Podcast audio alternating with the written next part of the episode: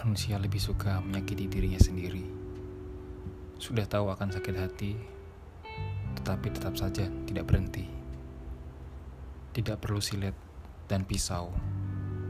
Semalaman suntuk membuka unggahan-unggahan milik mantan kekasih sudah cukup membuat risau. Ingin tahu, padahal tidak perlu.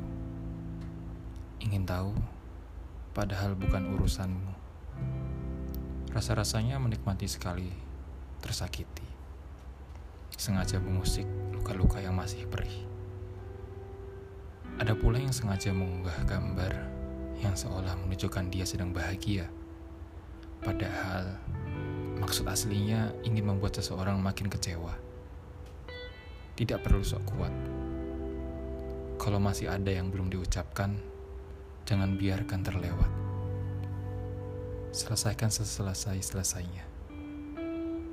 Tidak perlu saling intip dan intai.